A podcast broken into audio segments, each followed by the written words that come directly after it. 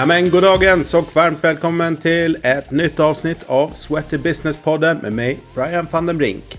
Idag så ska vi träffa en gäst som jag har velat få med i podden under en längre period, nämligen trendspanaren Göran Adlén.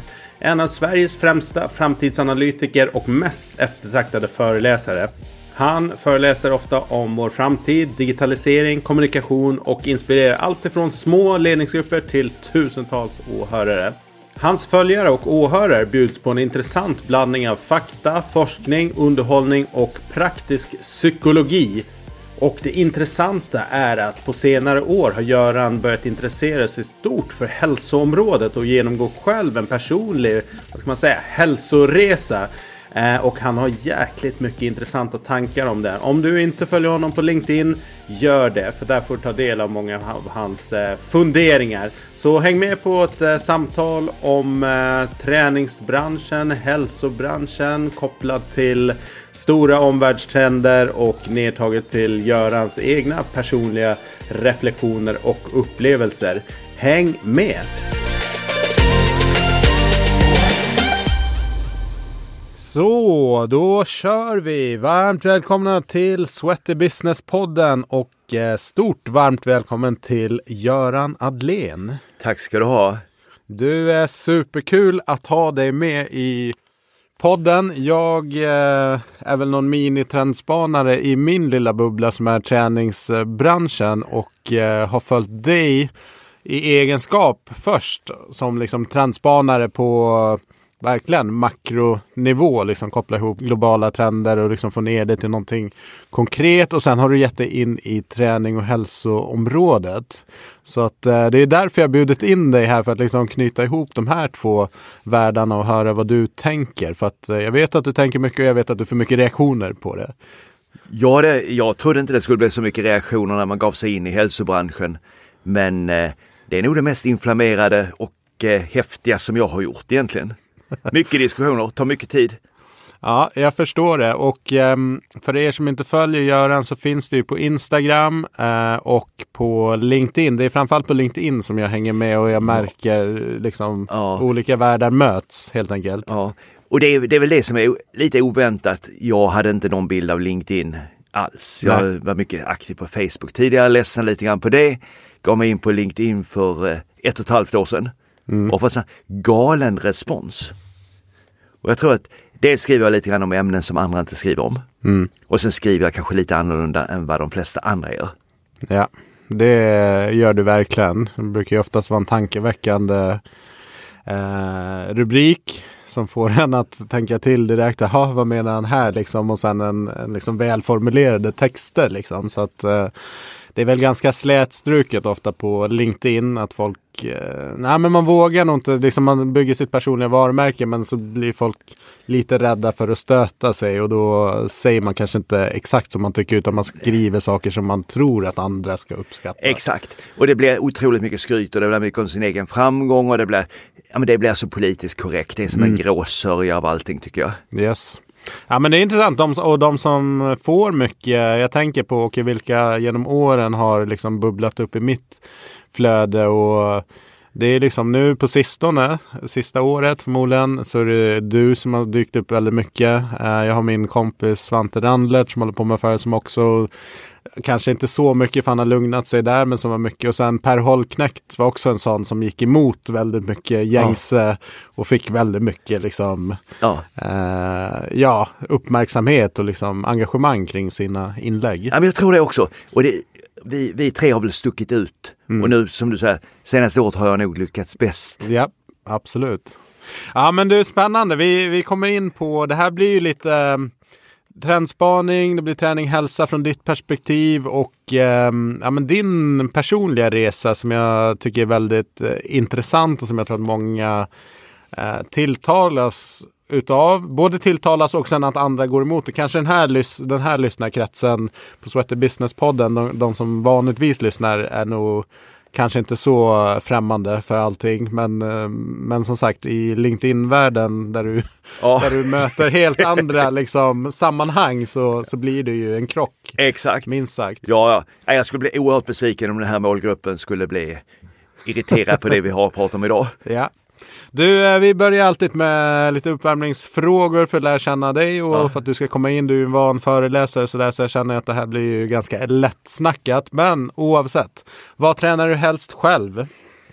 Jag kör styrketräning just, nu- just nu. Det är liksom klassisk träning, sex pass i veckan. Mm. Det är det, det, det som jag tränar. Eh, självfallet lite cardio. Kommer lägga till mycket cardio sen, Ja. senare i år. Nu är det styrketräning. Sex dagar i veckan så att det har du vilken dag är vilodag då? Den dagen som passar i och med att jag reser mycket Mm. så blir det oregelbundna tider, oregelbundna liksom dagar. Just det. Men jag har alltid målet sex, sex dagar i veckan. Mm, det är bra. Men du har en eh, PT också som har hjälpt dig att lägga upp. eh, För Ja, jag tänker sex pass, då lär man ju jobba lite överkropp och underkropp och lite smart så kanske. Ja. Och det, det som är lite roligt som, som vi har byggt upp det, som jag aldrig har tränat tidigare, det är att eh, vi lägger oftast de små muskelgrupperna först i programmet. Mhm. Varför då? Ja, det är väl lite grann som jag, jag har inte förstått vitsen själv från början förrän jag har känt det.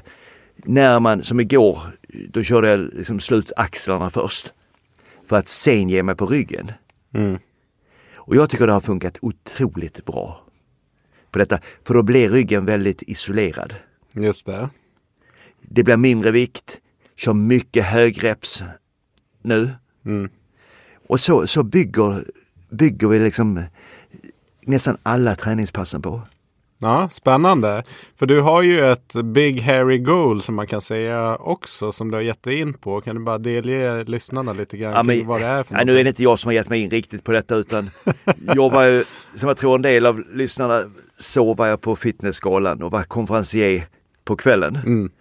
Och sen när Christian då tackar av mig så ger han en friplats till eh, Lucia-pokalen som gåva. Normalt sett brukar man få en flaska vin eller blommor. Ja. Och när Christian frågar då publiken sent på kvällen att eh, inte kan han tacka nej. Och då tänkte jag, jag kan inte stå och säga nej. Så att eh, vi kör efter det nu.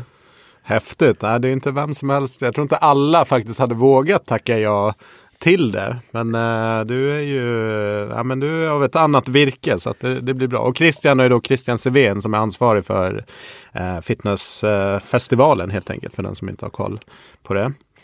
Du, om du skulle få obegränsat med pengar till ett projekt eller eh, ändamål, vad skulle du då göra?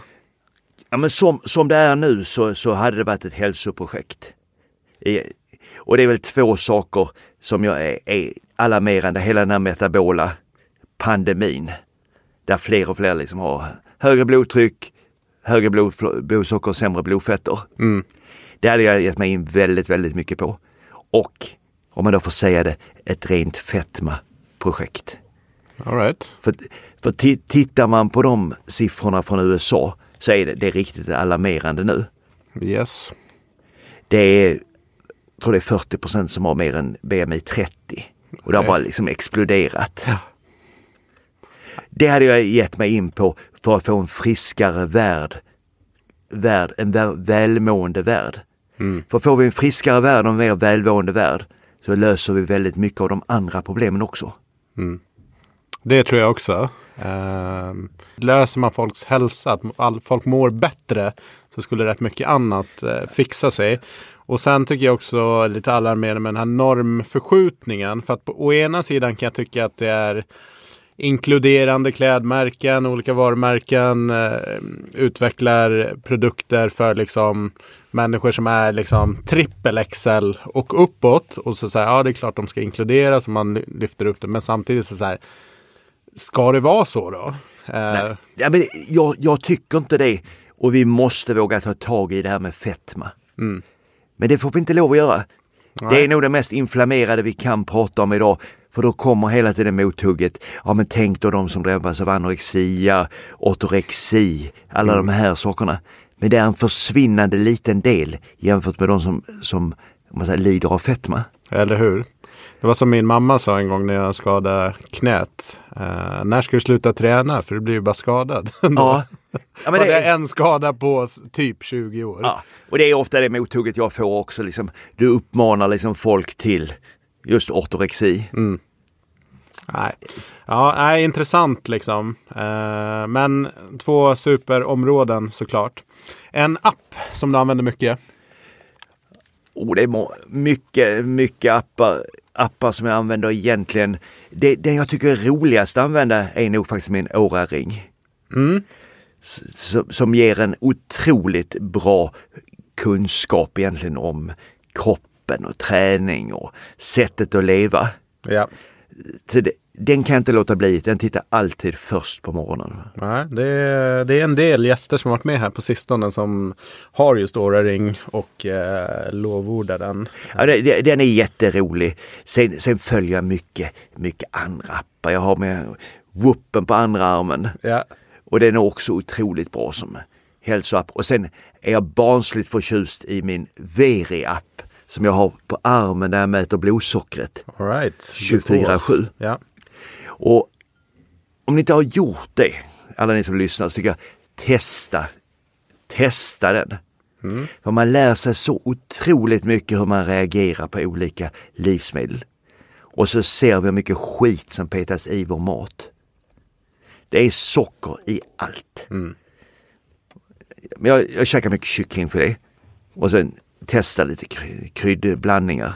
Så plötsligt att det bara stack iväg eh, fick en glukos eller blodsockertopp. Tills jag tittar på vad det innehåller. Och det är, det är så mycket socker. I kryddorna? I kryddorna. Mm.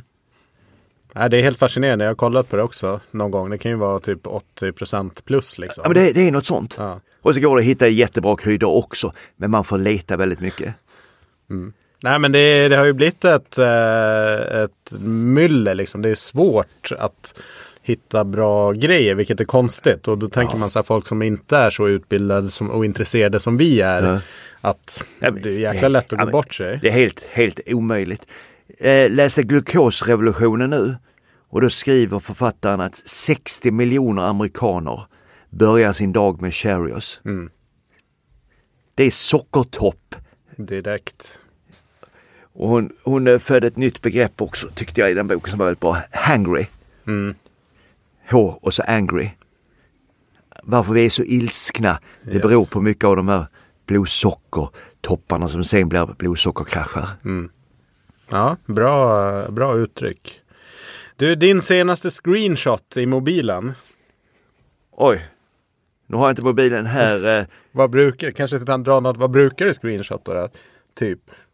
Ja men det, det är ganska, jag, jag samlar mycket väldigt irrationellt. Eh, plockar mycket från Insta, mm. följer rätt mycket läkare, en del av de rätt kontroversiella lä läkarna. Ger, ger mycket input mm. till mina egna tankar. Yes. Eh, försöker följa allt ifrån de som är ivriga förespråkare för carnivore, som Sean Baker, Paul Saladino, mm. till de här som är rena vegan-fantaster. En spännande krock. Ja, men det är en spännande krock och det är, det är liksom som två religioner. Mm. Eh, och det är skitspännande tycker jag att se hur olika de ser på de här världarna. Mm. Och hur olika säger, undersökningar de lägger fram som stöd för sina olika teser. Ja. Det där tycker jag är nästan det mest... Um, jag fattar att folk bara, men vad är det som gäller? För man vill ha någon så här, något slags svar på hur ska jag äta eller hur ska jag... Och så kommer liksom två helt vitt skilda åsikter och båda... När man tittar på dem så, så här, det verkar rimligt. Uh. Bara vid en första anblick. Uh. Jag vet inte om du, om, om du såg mitt lilla carnivore-test som jag la upp på LinkedIn. Nej. Nej, jag körde en månad carnivore. Mm. Och jäklar vad jag var förföljd av veganer. Och, det kan jag och tänka jag, och jag, jag, jag förstörde i princip hela planeten Ja. på detta. Och eh, en man han skickade, ja, det var, det var sådana otroligt lång, långa inlägg till mig som jag skulle läsa och mina, alla mina kärl skulle bli förfettade och jag skulle dö efter den här månaden, Mm. var han helt övertygad om. Så att jag blev riktigt påhoppad. Ja. Men intressant var att eh, alla de mätvärden var jättebra. Jag gjorde en del pers på gymmet. Mm. Det var jättekul. Ja, nej, jag förstår det. Jag såg, eh, du gjorde någon samman, sammanfattning av det. Det läste jag inte, men sen hängde jag inte med på liksom. Men jag tänkte när jag läste det att eh, det här kommer få mothugg från, från annat håll. Ja, ja, ja. Och det, det är ju jätteroligt. Det var otroligt roliga diskussioner. Folk mm. blir så upprörda. Ja.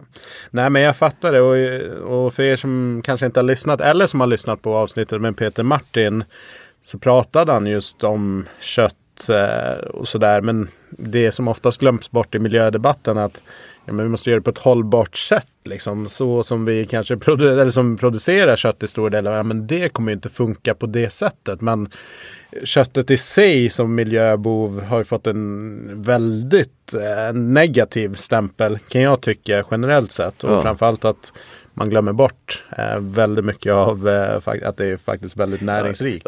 Ja men det är det väl och det köper man då som jag gjorde väldigt bra kött från lokalproducerade mm. gårdar. Så är det, de, de har liksom tagit hand om djuren på ett väldigt bra sätt. Mm. Yes, vi var på barnkalas igår med min treåring och då då fanns det kycklingkorv eller vegansk korv att få. Och sen ville min dotter ha kycklingkorv då. Men eh, hon fick fel så hon fick den veganska.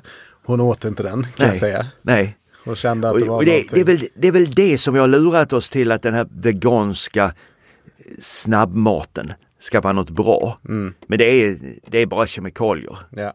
Det är liksom bara massa tillsatser, det är så ultraprocessat. Mm. Jag menar tittar man på vad som, in, vad som innehåller sån här eh, plantbaserad hamburgare. Ser man på innehållsförteckningen så äter man inte gärna. Nej. Och det, det ser man nu att det, det går ner rätt kraftigt. Mm. De här Impossible Burgers och liknande. Ja.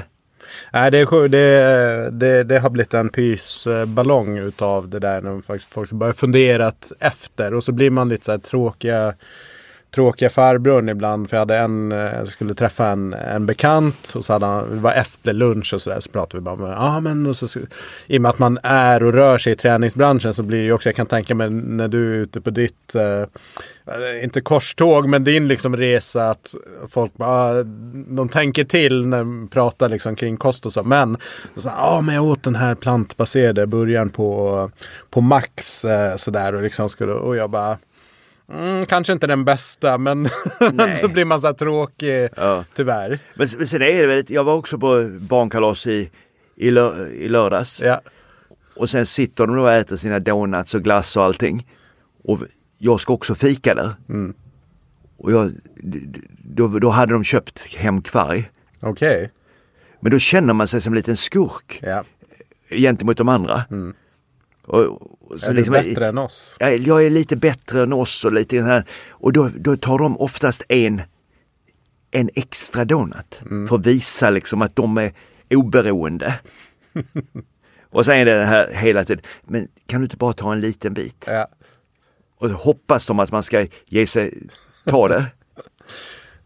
Fascinerande, lite som med alkohol. Den som inte, det kanske har lugnat sig lite ja. nu liksom, men definitivt när man själv växte upp liksom, och det var mycket alkohol. Ja. Att, ja. Om det var någon som inte drack, då var det så här, alla gjorde allt för att den också skulle dras med. Liksom.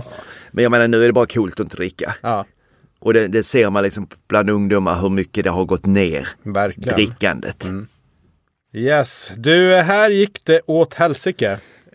Ja men det gör det, om man säger rätt ofta. eh, det räcker väl, jag spelar golf också. Mm. Det räcker med en golfrunda så går det mycket åt helsike där. Yes. Så att, eh, och jobbmässigt går det väl åt helsike ibland också. Mm. Alla helst man tittar på liksom, trender som jag gör. Så man lär, sig, man lär sig med tiden. Men jag har väl varit som jag själv säger lite naiv och tror att förändringarna ska gå mycket snabbare mm. än vad de faktiskt gör. Vi är fruktansvärt långsamma. Mm. Ja, det tar tid. Det är som köttmuren i liksom amerikansk fotboll. Det ska springas igenom mm. en köttmur av gamla traditioner. Ja. All right. Du, eh, ditt bästa tips för att återhämta dig?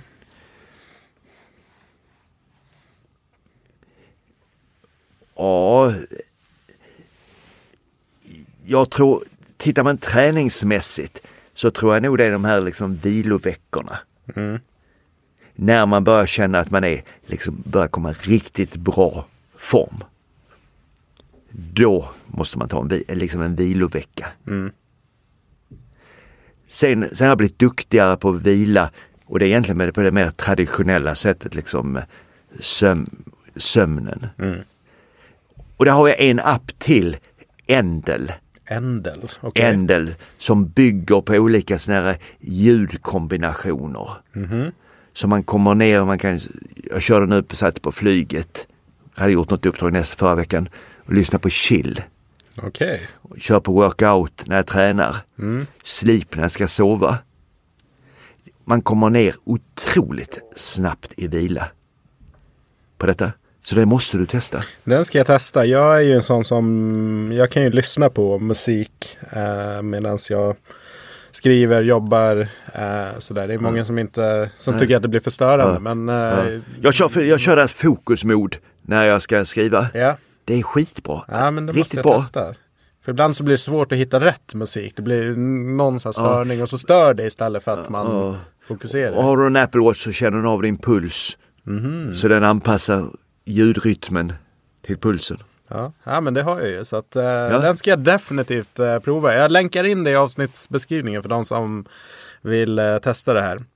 Eh, och sista introfrågan här då är det här behöver träning slash hälsobranschen tänka om kring. Du, det, det är väl ganska mycket som jag tycker man bör tänka om. Mm. Och det är väl framförallt den här liksom, hela det holistiska sättet. Att man måste ta större grepp om det. Det är inte bara träningen utan det är kosten, det är sömnen, det är sex, det är återhämtning, det är allting. Mm. Och det, jag saknar fortfarande det där liksom centret som tar hand om hela, hela människan. Just det. Eh, jag trodde att det skulle komma mycket, mycket mer. Men det har inte kommit. Nej. Man har kanske en naprapat och en mas- massör på sin höjd. Men jag hade velat se egentligen ett holistiskt tänk. Mm. Mycket, mycket större. Och inte så isolerat. Nej, det är ju eh, rätt mycket snack kring det. Om man tar liksom träningsbranschen och gymbranschen internationellt så är det mycket snack om liksom att det går mot det holistiska. Men vi är ju rent krasst så är det ju det är ju träning, det är kanske massage, det är liksom gruppträning. Vi är på ungefär samma utbud och tjänsteleverans som, som, som för 20 år sedan. Ja, men ja, jag tror... Alltså jag började träna så Ja. ser det nästan likadant ut. Mm. Det har inte hänt någonting egentligen i branschen. Utan det är liksom kopior på kopior. Mm. Och det blir ganska blekt. Yes. Förvånande att inte fler vågar sticka ut. Nej, jag vet inte. Samtidigt så här, blir det för svårt. Att man vet vad man har. Man har kanske sin träningsverksamhet och liksom de, de spelreglerna och så bara okej, ska jag helt plötsligt ge mig in på att jag vet inte, ge ett ansvar för men hela liksom 360 perspektiv av den här människan. Men jag vet inte. Jag bara, Jag, jag tror vi måste börja, jag, jag tror vi måste. Mm. Att det inte får bli de här isolerade öarna. För idag måste du liksom gå själv och liksom shoppa hälsa på så många olika ställen. yes. Det är rätt svårt att sätta sig in i hälsa. ja, det är svårt. Och det är, man ser nu den här första månaden på året, januari, februari, hur vilsna folk är när de då kommer upp på ett gym. Mm. De har bestämt sig med nyårslöftet. Och så ser man liksom hur de går och tittar.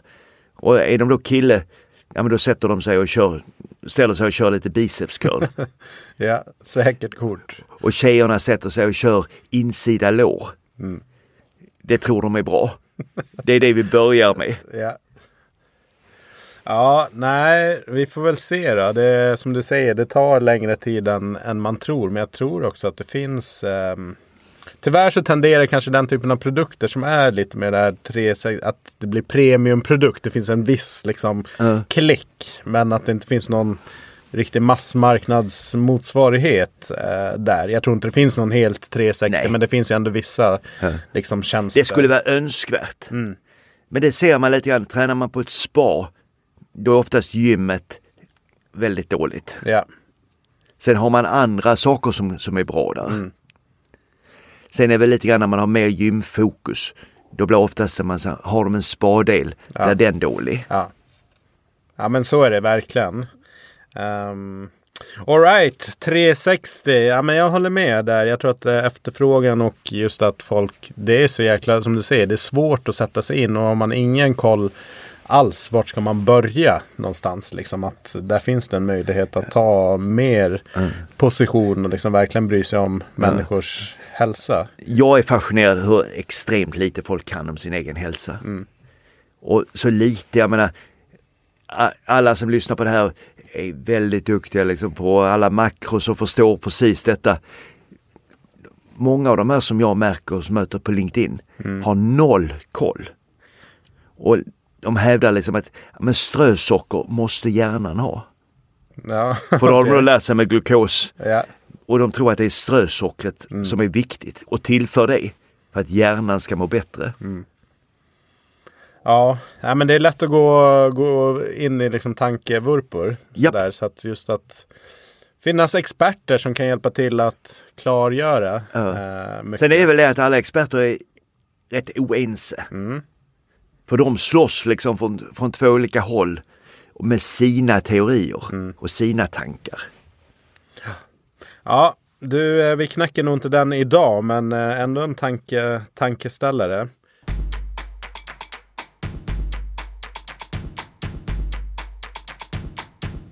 Ehm, lite så här då, för den som inte har koll på dig. ehm, vad är din hisspitch? Vem är Göran Adlén? Ja, men om, vi tar det, om vi tar den korta varianten om man säger yrkesmässigt så är det just som du bör, inledde med. eh, Började som föreläsare 99 när branschen var väldigt liten. Kjell Nordström hade precis slagit igenom, vad säger rockstar. Ja. Och jag fick väl de jobb som inte han kunde ta och där han var för dyr. Ja. Och på den vägen är det. 2002 började med skriva omvärlds och trendrapporter och drog jättemycket folk. Mm. Jag fyllde Oscarsteatern en och en halv gång, fullsatt på Göteborgs eh, stadsteatern, eh, fyllde i princip hela Nöjesteatern i Malmö. Eh, gick otroligt bra. Skrev trendrapporter, gjorde mycket liksom shower av det. Brett perspektiv. Hade alltid med hälsa som en del i det. Och tog upp saker i de här rapporterna som jag kanske inte själv gillar. Men som man så skulle komma. Så att jag har gjort ungefär 4000 föreläsningar. Eh, åker runt och pratar väldigt mycket. Och det är mycket nu. Nu är det mycket AI och det är mycket kring eh, generationen Z. De yngsta. Mycket om distansarbete. Och sen har det som sagt blivit mycket föreläsningar om eh, hälsa och träning. Och det är precis som jag har hittat ett eh, liten eh, nisch som inte finns eh, ja men kommit in lite grann vid sidan om. Det känns lite så. Ja, nej men så är det verkligen. Jag funderade också på vad, vad är det som gör. Men det är förmodligen för att dels lite oväntat. För att du inte varit profilerad inom just hälsa träningsområdet. Så att det blir så en, en vanlig eller en outsider som kommer in. Eh, och sen gör eh, en hel del som kanske går emot vad gemene man tror är bra liksom val och sådär och så blir det en konflikt liksom. Så bara, men vänta vad snackar han om? Typ Cheerios frukosten som många säkert tror så här, ja men flingor på morgonen liksom. Det är väl vettigt. Ja. Jo, kanske. Men hur mycket socker är det liksom? Ja, men jag, jag har väl lyckats som man komma in i den här liksom dammaffian. Ja. Och, och nästan allting kring det här man säger med åldrande, hälsa är egentligen ett kvinnoområde idag. Sen är det många män som tränar såklart. Och vi har, vi har massa profiler på detta. Men för den här, så här vanliga människan så finns det liksom inte direkt någon. Nej, det är nog det också. Att en vanlig människa. För manliga profiler finns det, har det funnits. Men de kommer ju ofta ifrån ett extremhåll. Många liksom har kikat på Arnold Schwarzenegger och allt han har gjort. liksom Flera olika karriärer liksom i, i en, i, under en livstid. Um, Ove Rytter är en sån liksom, Ja. sven- svenska tränare. Men de är så här de är ju tränande liksom. Så att startläget för dem är ju på ett annat sätt. Det blir svårt kanske för Ja. gemene man att ta till sig. Men O- Ove har i princip sett likadan ut i 40 år. Ja, och, faktiskt. Och, hållit sig otroligt fit. Det har betytt otroligt mycket för hela gymbranschen. Så är det ju. Apropå fitnessfestivalen. Det var ju han som drog igång den. Ja, En gång i tiden. Så att, Ja. eh, nej. han, han har väl dragit igång nästan allting. Ja. Du, eh, din eh, resa då inom det här området. Hur, eh, hur kom du in på det? Hur började du? Ja, men jag har egentligen alltid tränat. Jag, jag spelade tennis på hyfsad nivå. Flyttade upp till Stockholm från Malmö. Släppte tennisen. Började liksom köra mycket styrketräning på, på gym då. Och var faktiskt, eh, ja men hade lite så ambitioner att tävla då. Sen har jag alltid tränat. Men inte, ska säga, skött kosten. Skött kosten ungefär på det sättet som de flesta andra gör. Sen under pandemin, precis, så insåg jag liksom, nej, det här, så här kan det inte fortsätta. Blev lite rädd när jag såg statistiken över de som hamnar på intensiven. Medelålders, överviktiga män. Och jag kunde liksom hela tiden någonstans eh, vad säger, hitta som alibi för att inte göra mer för- förändringar. Jag hade hyfsat bra värden och tränade hyfsat mycket. Men fick lite gliring av min sambo att du borde kanske. Ja. Och så såg jag själv på bilder från lite på när man var med på scen och sånt där. Det såg inte så, så bra ut. Nej. Så jag körde igång. Två och ett halvt år. Och gick liksom all in på detta. Och började liksom tappade, jag jag har tappat 20 kilo. Jag har tappat 21 centimeter kring midjan. Wow. Så det är ganska mycket och gjort konststycket och byggt en del muskler också. Under den här resans gång. Sett hur jag har kunnat hacka alla värden. Mitt eh, testosteronvärde har gått upp 80% på två år. Helt otroligt. Det är rätt otroligt. Tycker jag själv också. Blodfett och jättebra, blodtryck är nere eh, jättelågt. Liksom. På bra värden.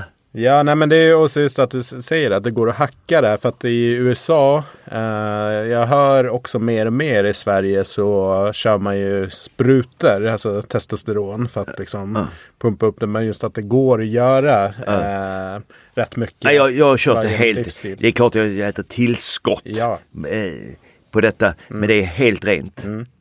Och inte tillstymmelse till läkemedel. Så jag har legat liksom från normal på normalkurvan på den mindre delen till att ligga på den övre delen idag. Just det.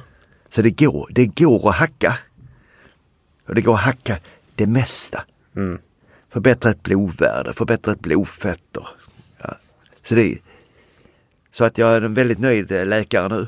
Ja, jag förstår det. Nej, men det är inspirerande. Vad skulle du säga är de största skillnaderna? För du tränade ju ändå sådär. Eh, och var liksom inte katastrof. Vad, skulle, vad är de stora skillnaderna som du har liksom dragit i? Ja men egentligen precis det här holistiska. Började sova. Började prioritera sömn. Från att tidigare bara, ja men bara flackat runt och föreläst liksom och sovit fyra, fem timmar. Ja. Gått upp till sju, sju timmar ungefär i snitt. Jättestor skillnad. Och sen så kosten. Och sen nu, sen eh, oktober förra året har jag kört med Robban som eh, coach. Ja. Där han har lagt upp träningen och han eh, ger mig liksom matschema. Smidigt. Ja, det är jätte, jättesmidigt, eller rätt sagt, jag får själv kreera mina matlådor. Men eh, han, han lägger upp det, hur mycket protein och mycket Ja. kolhydrater etc. Härligt. Du, ehm, jag är nyfiken för att vi pratade här innan liksom att eh, det, blir, eh, det blir liksom en krock för många. Särskilt när du kommunicerar på, på LinkedIn. Vad är det, skulle du säga, som folk mest går igång på och som liksom tycker att ja, det här är helt galet som du lägger upp? Ja men det mest galna var väl en kille som bara skrev liksom, fattar du inte att du är i livets utförsbacke? Sök terapi. och så, han frågade om jag fick lov att citera eh, liksom i mina föreläsningar. Ja. Och då sa han, ja men gör det för jag brukar citera dig. Han var stolt över sitt eh, uttalande. Ah, Okej. En VD för ett rätt stort bolag skrev bara liksom, jag tycker du är ful. Ja, okej. Det, Kreativ. ja, mycket kreativt. Så att vad jag märker, det är en skiljelinje. Min fanbase idag, det är kvinnor och det är unga killar och tjejer. Och såklart en del andra medelålders män. Men får jag mothugg så är det liksom männen och det är ungefär rör inte min tårta. Ja. Det de orkar inte. De, det är väldigt provocerande. Och det är ganska provocerande som man märker bland kompisar också. De tycker det är jobbigt. Ja, alltså det är intressant. Det, liksom, vad är det ja, som, men det, vad- det, det är det. Så att, ganska mycket mothugg. Ja. Och väldigt många då, jag kan nästan, jag har roat mig, ska jag säga, på LinkedIn och titta på inläggen. Som har varit väldigt kritiska. Och så har jag skapat mig en bild innan jag klickar på deras profilbild. och jag har rätt varenda gång. Ja. Medelålders man, man ser på med dubbelhaka. Yes. Eh, kraftig och man ser lite grann på vilken typ av inlägg den personen gör också. Ja. Så det, det är lite spännande. Det är väldigt spännande och apropå det här med att lösa andra problem och folks mående så de som kanske är argast och mest frekventa liksom eh, kommenterarna sådär i sociala medier det är väl liksom män medelåldern och uppåt liksom. Så Ja. men Särskilt när det kommer till politik och sådana här Ja. frågor liksom att det, de är bitskast kanske av alla. Och, och sen är de extremt, om man säger, rädda för allt som de säger alternativt. De är extremt rädda för kosttillskott. Det tycker de är livsfarligt. Däremot petar de gärna i sig själv blodtrycksmediciner och Ja. Metmorfin och alla de här sakerna. Men eh, kosttillskott är de jätterädda för. ja, det är livsfarligt. Ja, det är mycket farligt. Du, jag tänker eh, resande och liksom kringflackande. Som föreläsare så är man ju oftast inbjuden. Sådär. Hur funkar det med mat och så? Jag kan tänka mig att det är något som man behöver planera. Det är tufft. Nu, nu smyger jag med matlådor. Ja. Och sen så har jag hittat knepet på luncher och sagt liksom, "Ja, men jag vill gärna sitta i lugn och ro och förbereda mig. Och då tycker de att jag är jätteseriös. Och så smyger jag upp min matlåda. Men det är tufft. Det är jättetufft på eh, flygplatser, lounger, tåg. Det går liksom inte att hitta något vettigt. Nej. Nej, det är supersvårt.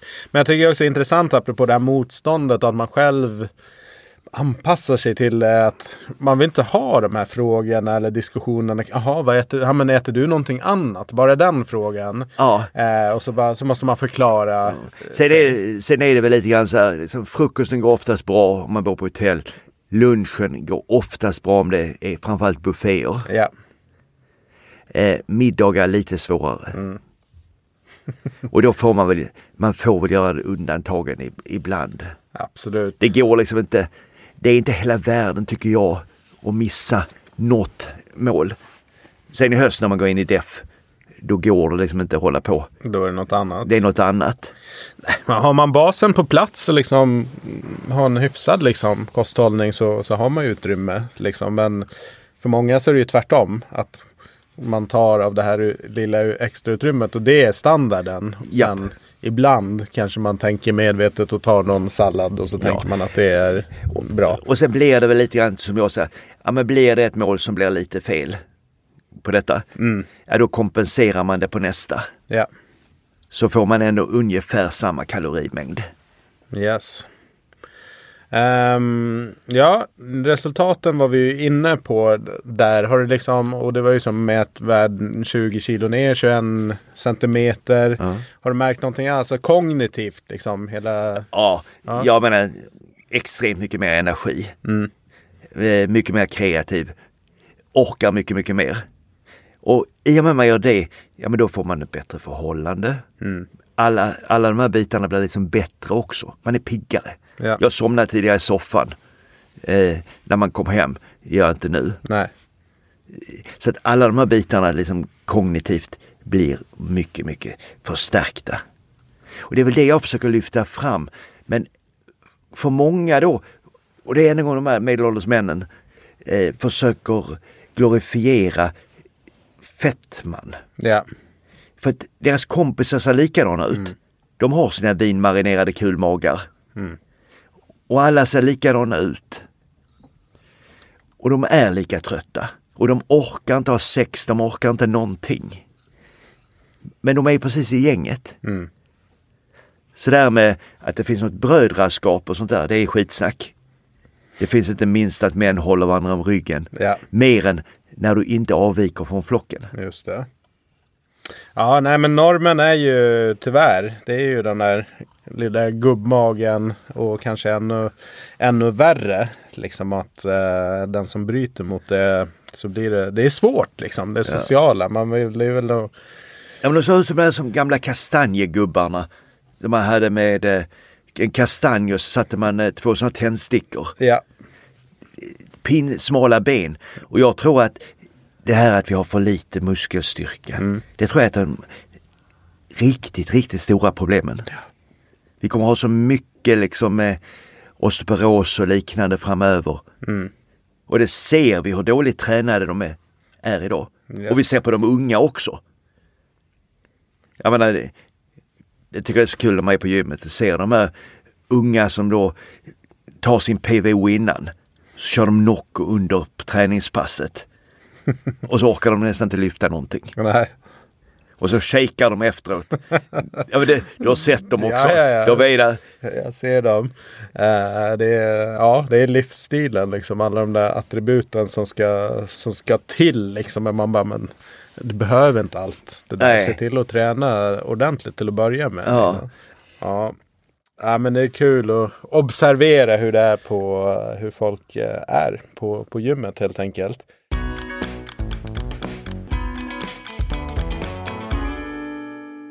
Ehm, jag tänkte så här då. Vad, vad tänker du är ehm, vanligaste misstagen som gemene man kanske där ute LinkedIn-maffian kan vi kalla dem för. Eh, när de folk ska ge sig in i olika hälsosatsningar liksom. Ska, korta svaret är 16 weeks of hell. Eh, jag tror att det har gjort väldigt mycket skada. Ja. Tyvärr. Eh, det här snabba resultatet som man är ute efter. Att, eh, ja men det är klart, kör man då 16 weeks på det här sättet. Man kör styrka, man kör en extrem def. Man sliter något enormt på kroppen. Yes. Eh, tappar mycket i vikt, tappar väldigt mycket muskler. Undrar, men det ser rätt bra ut efter 16 veckor. Och då, det har då blivit någon sorts norm också. Att på 16 veckor kan man liksom transformera sig själv. Men jag menar, det jag har gjort på två och ett halvt år, det är det som många gör på 16 veckor. Ja. Men vad är det de tappar för någonting? Det är muskler. Men de, de kommer snabbt i form och sen så avslutar de, avslutar de med att äta någonting. Och sen är de igång igen.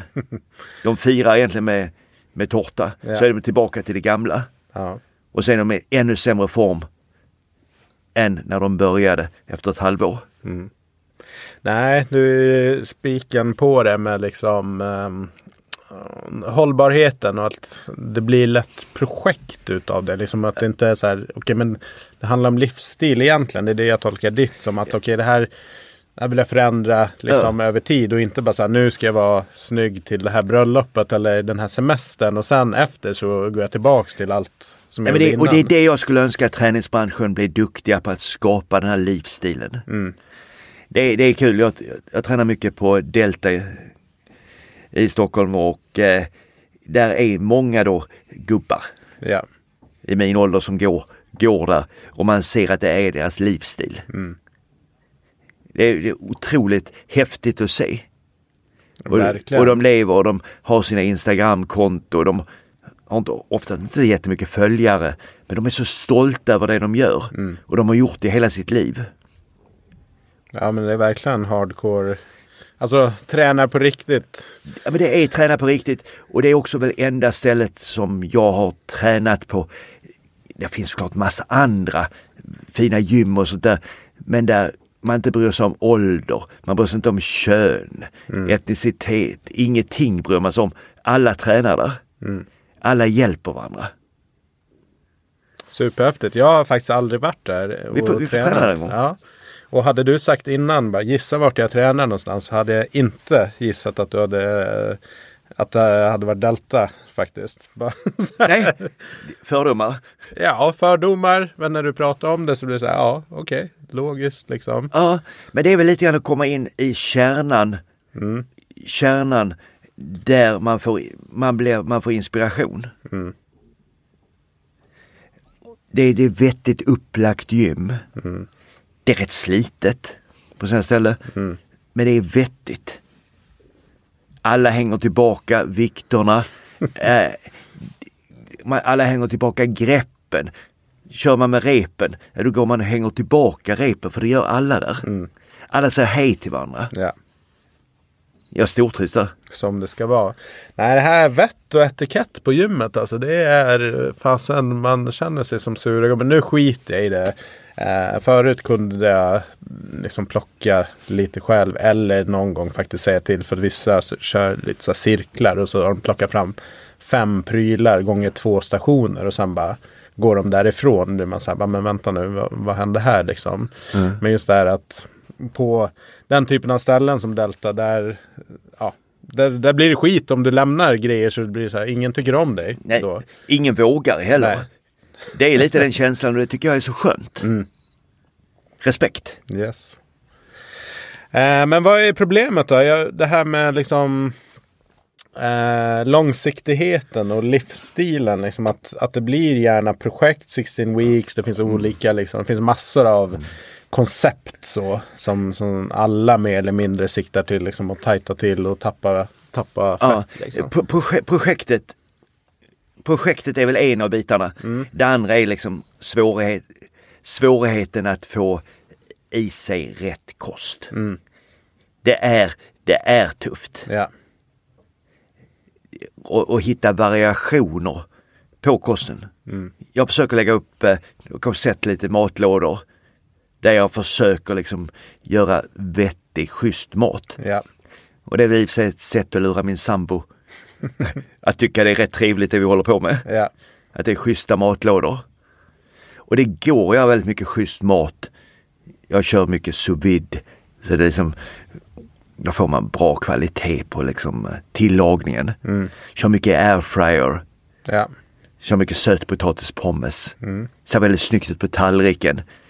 Och så har man nästan inget fett alls i, i det. Och så blir det otroligt gott. Mm. Airfryer är faktiskt en fantastisk innovation. Eh, Kör med kanel, kanel på, på sötpotatisen. Det blir jättegott. Mm. Får jag testa någon gång. Ja, men vi körde hemma. Eh, någon gång så, eh, för jag såg att man kunde slänga ner jag har ju bara, vi har kört potatis och sötpotatis. Och, så, och sen tänkte jag någon gång, bara, fan, man slänger ner för dessa fisknuggisar, ja. nugget. det var ingen bra idé. Det blev bara, alltså de ja. upplöstes ja. i princip. Jag kör väldigt mycket broccoli, jag kör mycket blomkål. Och så, jag gör mycket tillbehör mm. till detta. Sen är det liksom då basen. Det är mycket kycklingfilé. Ja. Det är ganska mycket ryggbiff. Mm. Och nu kör jag rätt mycket nötfärs. Yes. Också. Så det blir samma, men med alla tillbehören så, så gör det väldigt bra. Så det är en kunskap att lära sig detta. Yes. Men jag tror att den största svårigheten är, det är nog samhällets och omgivningen. Att stå emot liksom alla de här. Men ska du inte ändå ha en kaka? Gud vad tråkig du är. Nu ska vi festa, nu ska vi liksom ta tårtan. Mm. Eh, och, och, och, säga nej. Mm. Att ha guts och stå emot alla frestelserna. Ja, det kräver jäkligt mycket. Och sen just att allt är riggat för de här snabba sockerstinna produkterna. Liksom 7-Eleven, ja. alla de här ställena. Du liksom ja, vi, du, du, blir mer hungrig tio minuter senare än vad du var innan du ja, tog den här grejen. Och så firar vi liksom allting med skit. Mm. Det är det vi gör. och så all den här ultraprocessade maten som är idag. Ja.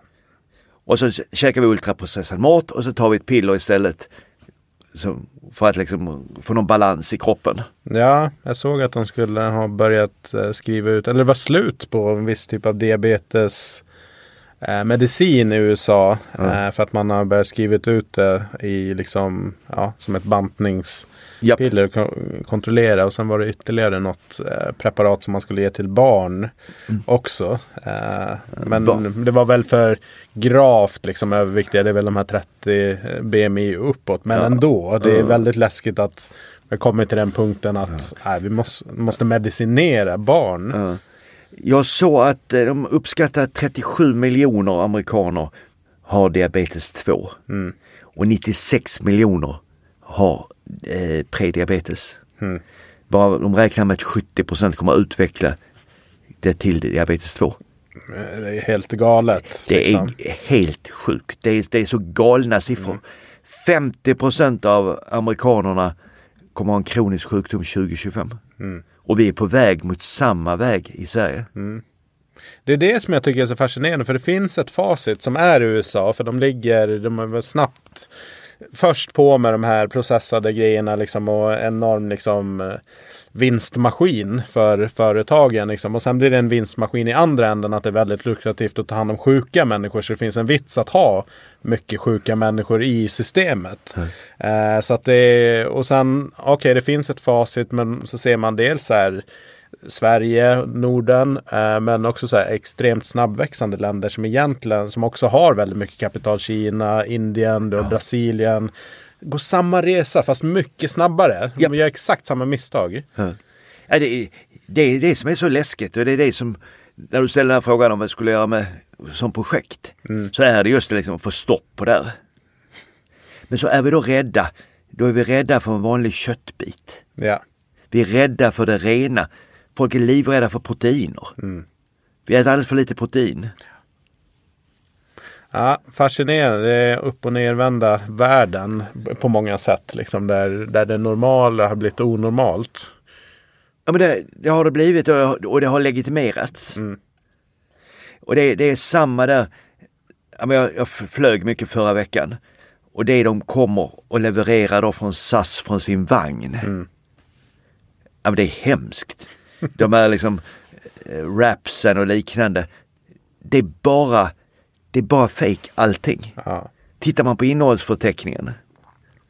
Nej men det är, det är skit. När Malmö Aviation fanns, jag flög en hel del till, eh, till Skåne. eh, Då, hade de, då körde de en kampanj eh, Kommer jag ihåg under ett par veckors tid. Och då var det istället för typ muffins och grejer så fick man en sån här kopp. Men då var det en sallad, en laxsallad med små hackade bitar. Och, mm och så skrev jag faktiskt till dem efter. Jag bara, men shit vad grymt att ni har liksom tänkt till och liksom kör ett, ett bättre mellanmål. Ja, jag vet, men den här kampanjen tar ju slut nu liksom om några, några veckor. Sen återgår vi till vår ordinarie meny och man bara rullgardin ner. Ja. en Och- kampanj. Ja. Liksom. Och så har de här delicatobollar. Ja. Nu tror jag inte, nu tror jag inte de ger någonting med en kaffe. Nej, det, det är dyrt. det är dyrt nu. Det är dyrt, man sparar in på. Så att egentligen alla, alla i branschen borde hjälpa till mycket, mycket mer. Yes. Alla gym borde faktiskt lära folk att äta mycket bättre. Man borde lära mer vilka tillskott. Jag menar, det är väldigt många som har magnesiumbrist. Det är väldigt många, framförallt tjejer som har, äter alldeles för lite protein. Ja. Och jag märker nu, jag ligger rätt högt i proteinintag. Mm. Så i och med det så har jag liksom noll sötsug. ja. Och då, Ja. får, då får man bort det. Mm. Man orkar inte äta något sött med mycket protein i. Nej, man blir inte hangry. Eh, när man, alltså det blir ju ja, en, en rejäl mättnadskänsla och som håller i sig länge. Ja men det är det. Och det är det som är, det är, det som är så skönt. Mm. Det andra är liksom bara, ja men de här skitmaten. Det är liksom du blir hungrig efter tio minuter. Ja. Och allt Ja. bara bygger på detta. Liksom på att du ska äta ännu mer. Ja. Absolut, så är det ju verkligen. Såg någon studie, det var nog faktiskt Jakob Gudiol, vi pratade om honom innan Ja. poddinspelningen, men eh, där han just kollade lite på sockersötad kontra eh, icke sockersötad, men att den gruppen då som drack sockersötad läsk eh, åt mer, fick i sig mer kalorier i liksom kosten också så att det driver mycket hunger eh, också. Förutom att du får i dig en massa kalorier och socker i själva drycken också. Jag har precis läst det här, som jag sa, glukosrevolutionen. Och jag, jag måste säga att den var rätt fascinerande hela den boken.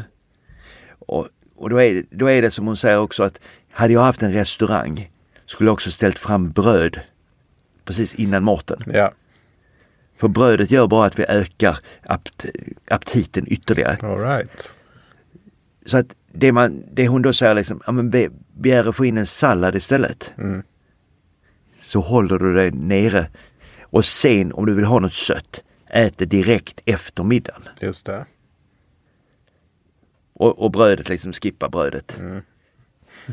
Ja, bra. Vi var på Vapiano här i lördags i Mall of Scandinavia. Då är ju en av höjdpunkterna är ju att få in den där bröd, brödkorgen, i alla fall för barnen. Så att, Oh ja. Men eh, när jag tänker efter så ja, förmodligen så blir man mer hungrig. Liksom. Ja, och det är, det är också det här med, som hon säger, man ska äta de olika makrosen i, i bestämd ordning. Mm.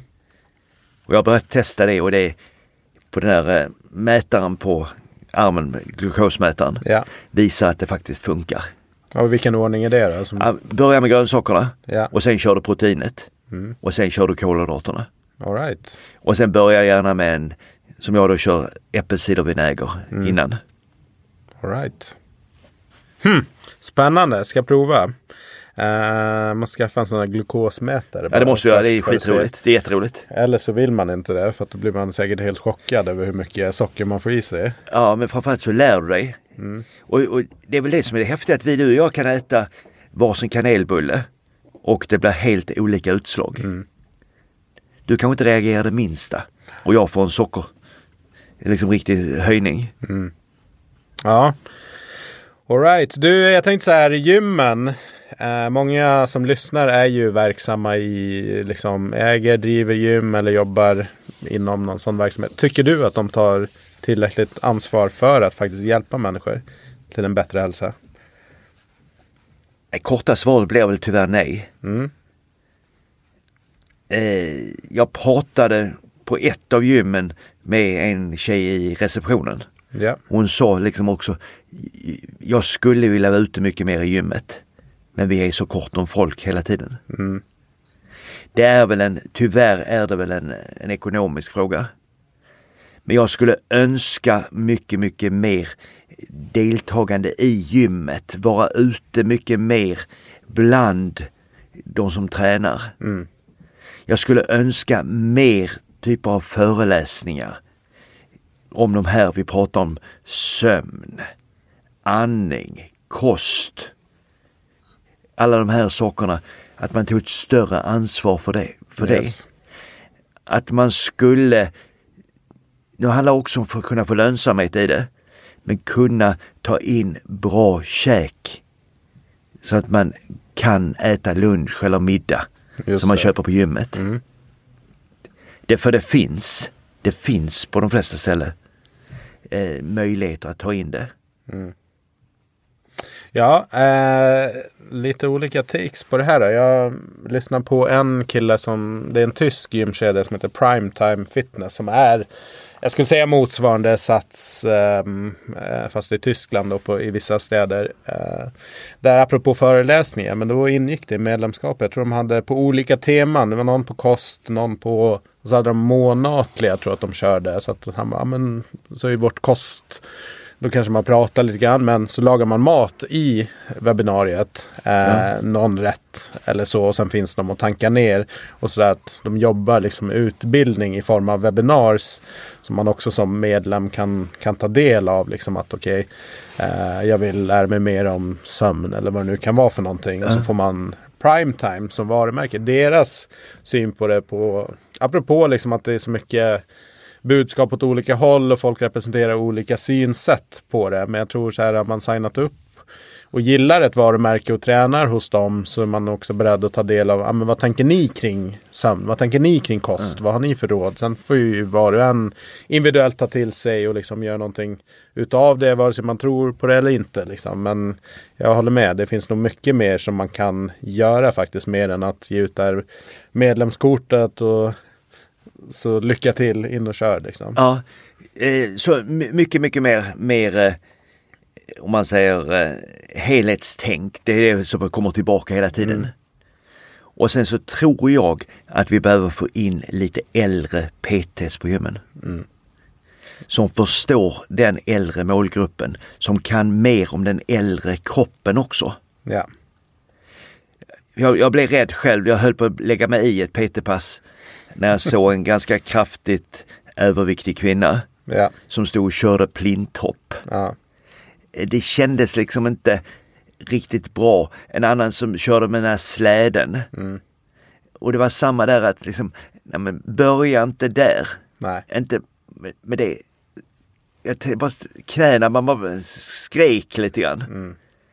Och då var det en väldigt ung PT som säkert gillade plinthopp och kunde säkert göra mycket själv. Ja. Men anpassa sig lite mer. Mm. Skräm inte bort dem. Det är väl det som är väl definitionen av personlig träning. Att anpassa den efter personen du har framför dig och inte efter vad man själv tycker är kul eller som man kör med alla andra kunder som också kan vara ett fenomen som man kan se om man stannar en stund uh. och kanske ser en PT som jobbar två eller tre kunder i rad och så bara, men vänta. Uh. Men det, det, men det är lite, det är lite grann som att de ska köra skiten ur dem på något sätt. Om man mm. kör mycket de här med gummibanden och så ska man gå de här parallellstegen. Ja. Mm. Mycket sådana saker att gå med ungefär som de ska vara trötta. Ja.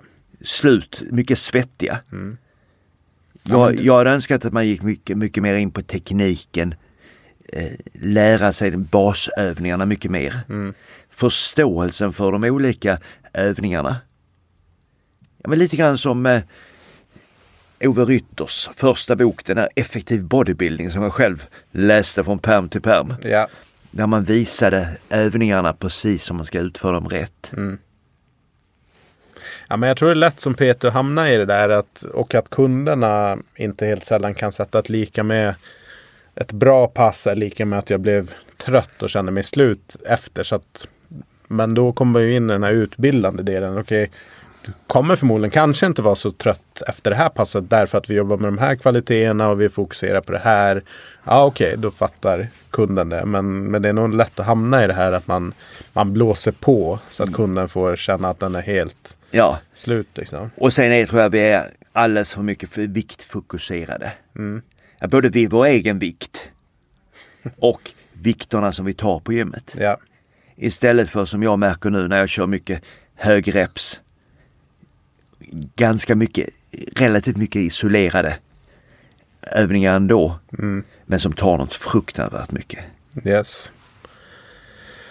Alright, um, ehm, så det finns att jobba på. på. Yeah. Vad tänker du då kring, apropå du nämnde ju mat här. Det är ju lite bökigt, så att, men vi ska inte grotta oss in i det. Men generellt sett liksom shopparna i mainstream-gymmen, de produkterna som, som säljs där. Vad tänker du kring det?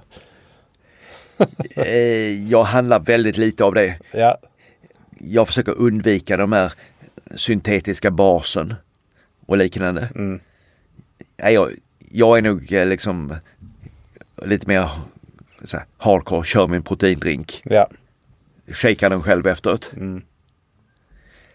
Nej, jag tycker Nej, de har blivit lite grann på framförallt de kommersiella gymmen. Då är det liksom Pepsi Max och det är det är väl det som säljer. Mm.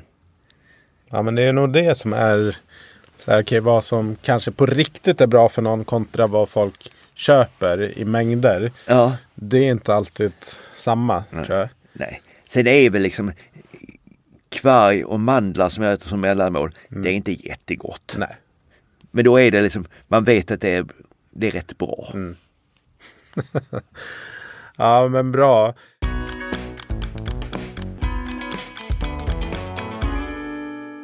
Du, eh, jag tänkte avsluta här um, lite på studs där. Har du några trendspaningar som du får plocka ner?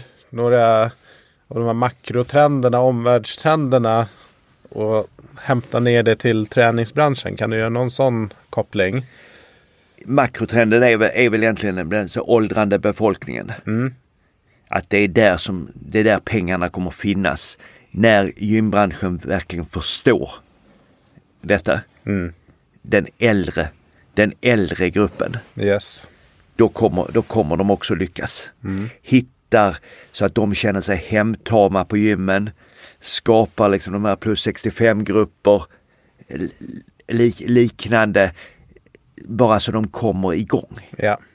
Där kommer finnas otroligt mycket pengar att hämta. Ja men det håller jag verkligen med om. Eh, ja, som sagt makrotrenden är ju definitivt åldrande andel av befolkningen. Ja. Eh, och många kommer ju nu med ändå att de har beteendet, att de, har, de tränar redan på olika och kommer vilja fortsätta med det och sen säkert sådana som inte är fysiskt aktiva och så som tvingas till det mer eller mindre kommer också hitta in till det.